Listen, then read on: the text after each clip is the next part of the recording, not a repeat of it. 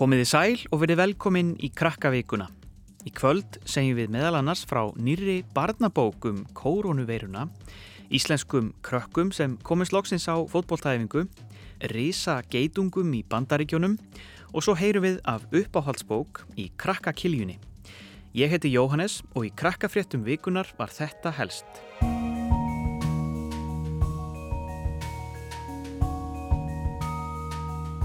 Breytingar á samkomubanninu tóku gildi í síðustu viku og nú er hægt að taka sér aðeins fleira fyrir hendur. Það voru eflust margir ornir óþrjöfu fullir að hitta fleira fólk og þreyttir á allri inni verunni undarfarnar vikur. Fólk mátti loksins fara í klippingu, sjúkraþjálfun og til tannleiknis svo eitthvað sé nefnt. Það þarf samt auðvitað að passa upp á hreinlæti og þrif og þó sér reglulega um hendur. Engar fjöldatakmarkanir eða nálaðarbönn gilda um börn í leik- og grunnskólum og skólastarf hófst eins og það var áður. Skólasund byrjaði líka aftur þótt sundlegar séu reyndar ennþá lokaðar almenningi. Það er auðvelt að fullera að eitt af því sem Íslandingar sakna mest er að fá að fara í sundlegarnar. Þórólfur Guðnason, sóttvarnalæknir, færði þær gleði fréttir að nú sé stemt að því að opna sundlögar mánudaginn 18. mæ eða eftir viku með takmörkunum þó og það er ef allt gengur vel næstu daga. Íslendingar eru líka farnir að undirbúa útiveru í gardinum í sumar því trampolín, útilegudót og gardhúsgögn seljast eins og heitar lumur.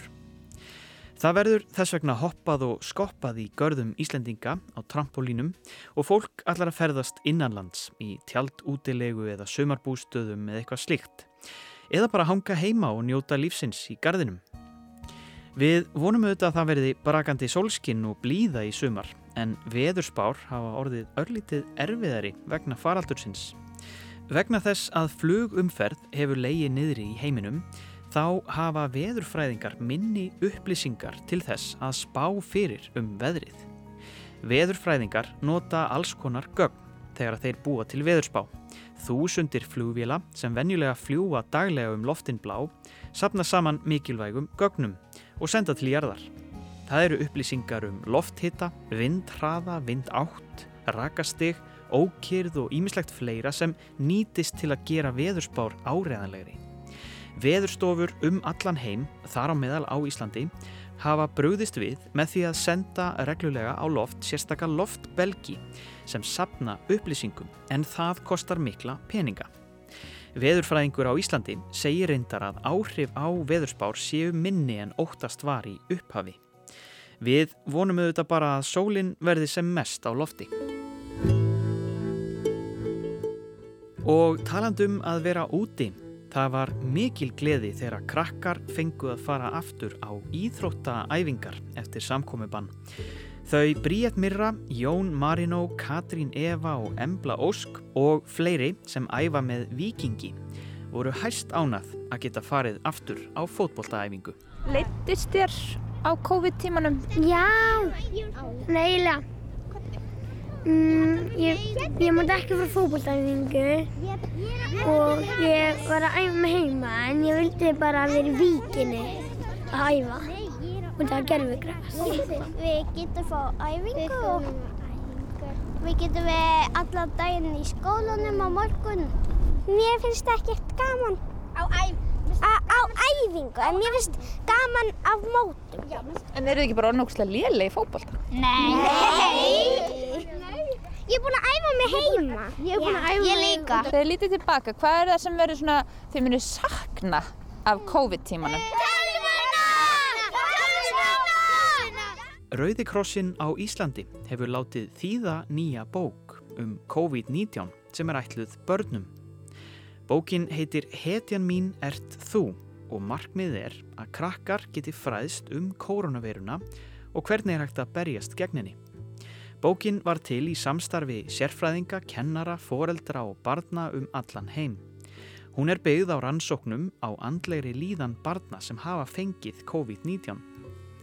Markmiðið með henni er að foreldrar eða aðrir sem starfa með eða sinna börnum geti á auðveldan hátt frætt krakka um koronaviruna og áhrif hennar. Bókin er til á yfir 30 tungumálum og þeim fjölgar enn á næstunni.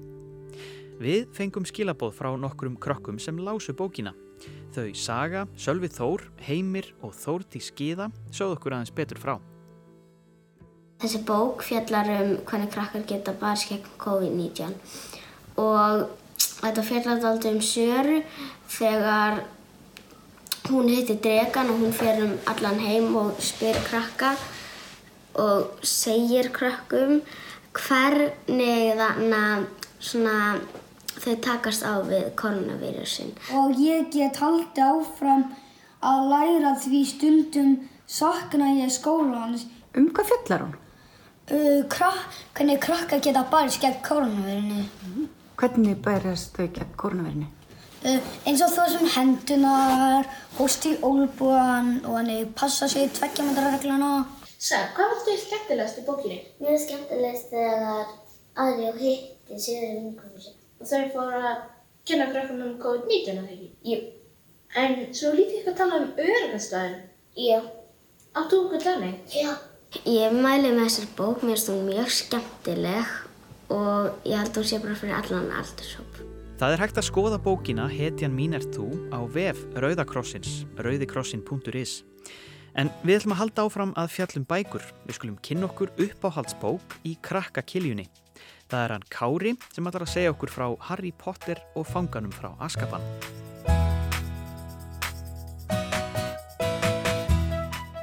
Segð mér aðeins frá þessari bók. Hva, hvað gerist í þessari bók í Harry Potter? Af því að Harry Potter eru marga bækur. Já, hún, hún er mest spennandi. Já. Það er svo mikið að gerast í einu. Mhm. Það er meira að gerast í einu en í hinnum bókunum. Já. Hvað gerist í þessari? Það er verið að leita Sirius Black sem allir halda að sé morðingi nema það er ekki rétt. Og þetta er eina bókin sem Harry fer inn í tíman. Já. Í tíman, Tímaflakk já, og bjargar sjálfum sér. og gerir það með. Já. Akkurat. Og hvað er það við þessa bók sem er, er akkur ekki eitt eða tvö Að því að, eða fjör, eða fjör? Að því að Sirius Black er í þessari bók. Já. Hvernig persóna er hann? Hann er guðfaðir Harry, Harry Potters og getur breytt sér í hund. Hann getur breytt sér í hund. Og er það ástæðan fyrir að hann er uppáhalds? Nei, Nei. það er eiginlega því að hann er eini góði við Harry í fjölskyldun hans. Já. Og hvað, uh, hverjir taka þátt í þessari leitað að Sirius Black? Leita Sirius Black, Já. galdramála ráðanetið. Vá. Hvað er gert í galdramála ráðunitinu? Það er bara eins og þing, þing hjá okkur. Já. Og þeir rannsaka alls konar mál? Já, það er bara eins og svo sem stjórnar landinu. Já. Bara svona eins og ríkistjórnin? Já. Já. Af hverju vilja þér finna Sirius? að því að engin veit nema Harry, Ron, Hermione og Dumbledore að Sirius er saglus. Það veit enginn trúa þeim. Þannig að þetta er spennandi leit. Já. Já. Og ertu að lesa núna bækurnar sem komum svo eftir? Já. Ég er að lesa nummer fjögur. Ég er eiginlega búin að klára hana. Já. Ég er að fara að byrja nummer fimm. Og heldur að hún verið uppáhaldsbókin þegar þú ert búin, búin með hana? Það geti alveg verið. Já. Og eru þetta hérna bara bestu bækur sem þú lesið? Já. Já. Hefur þessi myndirnar? Eða af þeim sem Ég, að... ég er sé 1 og 3 og 4. Já. Þannig að þú fylgir alveg Já. bókunum eftir með myndum. Ertu, lestu Harry Potter mest af öllu? Eða lestu eitthvað annað?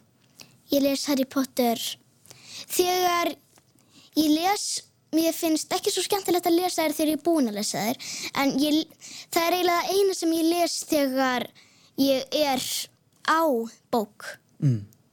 þá er það eina sem ég les Já. Og finnst þér það skemmtilegast þegar það eru svona svolítið töfrar og ævintýri í bókunum? Já. Já. hún er líka svo rosalega spennandi Já. En svona með, með töfrana, áttu, áttu eitthvað svona uppáhaldsgaldur eða er eitthvað svona eitthvað sem þú myndi vilja kunna ef þú gætir töfrað? Já. Hvað er það? Wingardium Leviosa. Hvað er það? Það, er, það liftir hlutum. Já, bara hverju sem er. Og þarf bara að segja þetta og benda á það og þá liftist það. Já, en maður þarf að örglega veifa sprótanum rétt og þarf örglega að segja þetta alveg rétt. Mm -hmm. Það má ekki rugglast í neinu, annars myndi þetta ekki liftast. Good. Oh, and enunciate. Wingardium Leviosa. Off you go then. Wingardium Leviosa. Wingardium Leviosa. Wingardium Leviosa. Ef þú værir að fara að skrifa bók, hvernig bók myndið þú skrifa? Ég myndi skrifa um ævintýra að ferðast inn á internetið. Ævintýri að ferðast inn á interneti. Hvernig virka það? Bara eins og að ferðast inn í tölvu. Það, maður myndi ferð inn í tölvu, er svo, bara inn í svona tækjum, er svo rosalega margt. Mm. En maður væri þarna inni, væri það eins og völdrús. Já. Þannig að þú myndir láta eitthvað gerast inn í, bara inn í internetinu. Inn í tölvunni. Já. Já. Og ert að skrifa? Nei. Hefur þú skrifað eitthvað sögu? Nei, ég var að ákveða þetta á þann. Þú varst að ákveða þetta áðan. Það er skemmtilegt. Þannig að við getum átt vona á að heyra sögu af einhverju spennandi æfintýri inn inn í internetinu. Já, kannski. Já. Gangið vel með skrifin og lesturinn, Kári, og takk fyrir að koma og vera bókavarmur.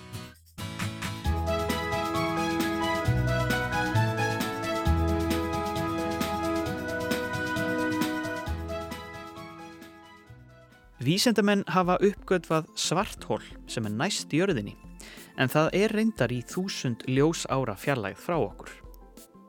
Svarthól er einhver furðulegustu fyrirbæri alheimsins.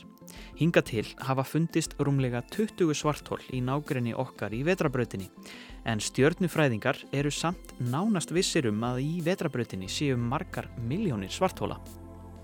Næstum öll svartól sem hafa fundist hinga til hafa mikil áhrif á umhverfi sitt. Þau draga til sín efni frá stjörnu í næsta nákvæmni svo tilverður glóandi heitur svelgur sem stjörnufræðingar geta komið auga á.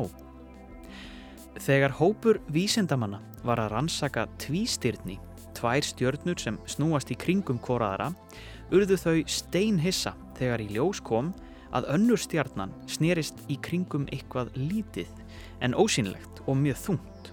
Ósýnilega skrýmslið reyndist vera fjórum sinnum þingra en sólinn okkar. Það gata aðeins verið eitt, svarthól. Aldrei áður hafa svarthól fundist svona nálagt í jörðinni. En þótt að sé bara í þúsund ljósára fjarlæð frá jörðinni stafar okkur engin hætta af því. Það er svo óra langt í burtu að það getur ekki haft neyn áhrif á jörðina, sólina eða sólkerfið okkar.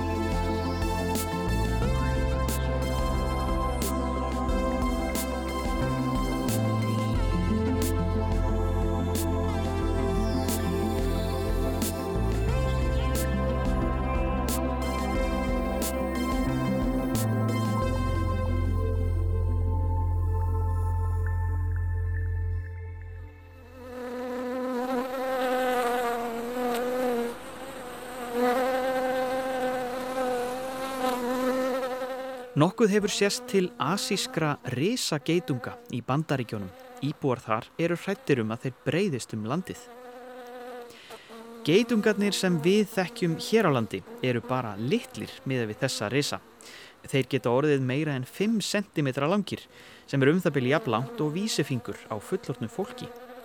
Geitungarnir eru algengastir í Japan og Kína en þeir hafa sést reglulega í Washington ríki í bandaríkjónum frá því um áramót. Skortýrafræðingar hafa áhyggjur af áhrifum þeirra á bíflugur og bíflugnarækt því að þeir geta aðalega humlur. Það er farið að hlína á vesturströnd bandaríkjana og geitungar komnir á kreik.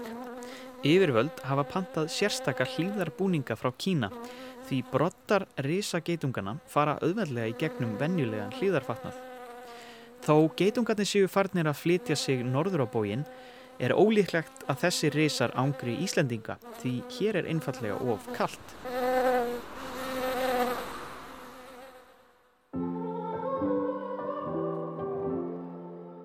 Undir venjulegum kringumstæðum væri Eurovision keppnin handan við hornið. Laugin í keppnin í ár eru samt komin til að vera og nú hafa Íslendingar kosið um þau bestu. Fyrsta undankvöld Eurovision átti að fara fram annað kvöld og loka keppnin á laugadaginn 16. mæ. Rúf ætlar að halda Eurovision gleðinni gangandi þrátt fyrir að það verði ekki af keppninni sjálfri. Fjallað hefur verið um laugin í ár í þættinum Alla leið þar sem álitskjafar segja sína skoðun á þeim og spá fyrir um hver hefði unnið. Íslendingar völdu sín uppáhalds lög og atkvæði þeirra vega helming á móti atkvæðum álitskjafa þáttana. 15 lög voru valinn og það kemur í ljós annarkvöld hvaða lög það eru. Á fymtu dag verður svo bein útsending af sérstöku Eurovision Party sem byrja klukkan 19.40. Íslandingar máttu auðvitað ekki kjósa Ísland en við vonum auðvitað að Daði Freyr og Gagnamagnið haldi áfram að hitla heimsbyðina upp úr skónum.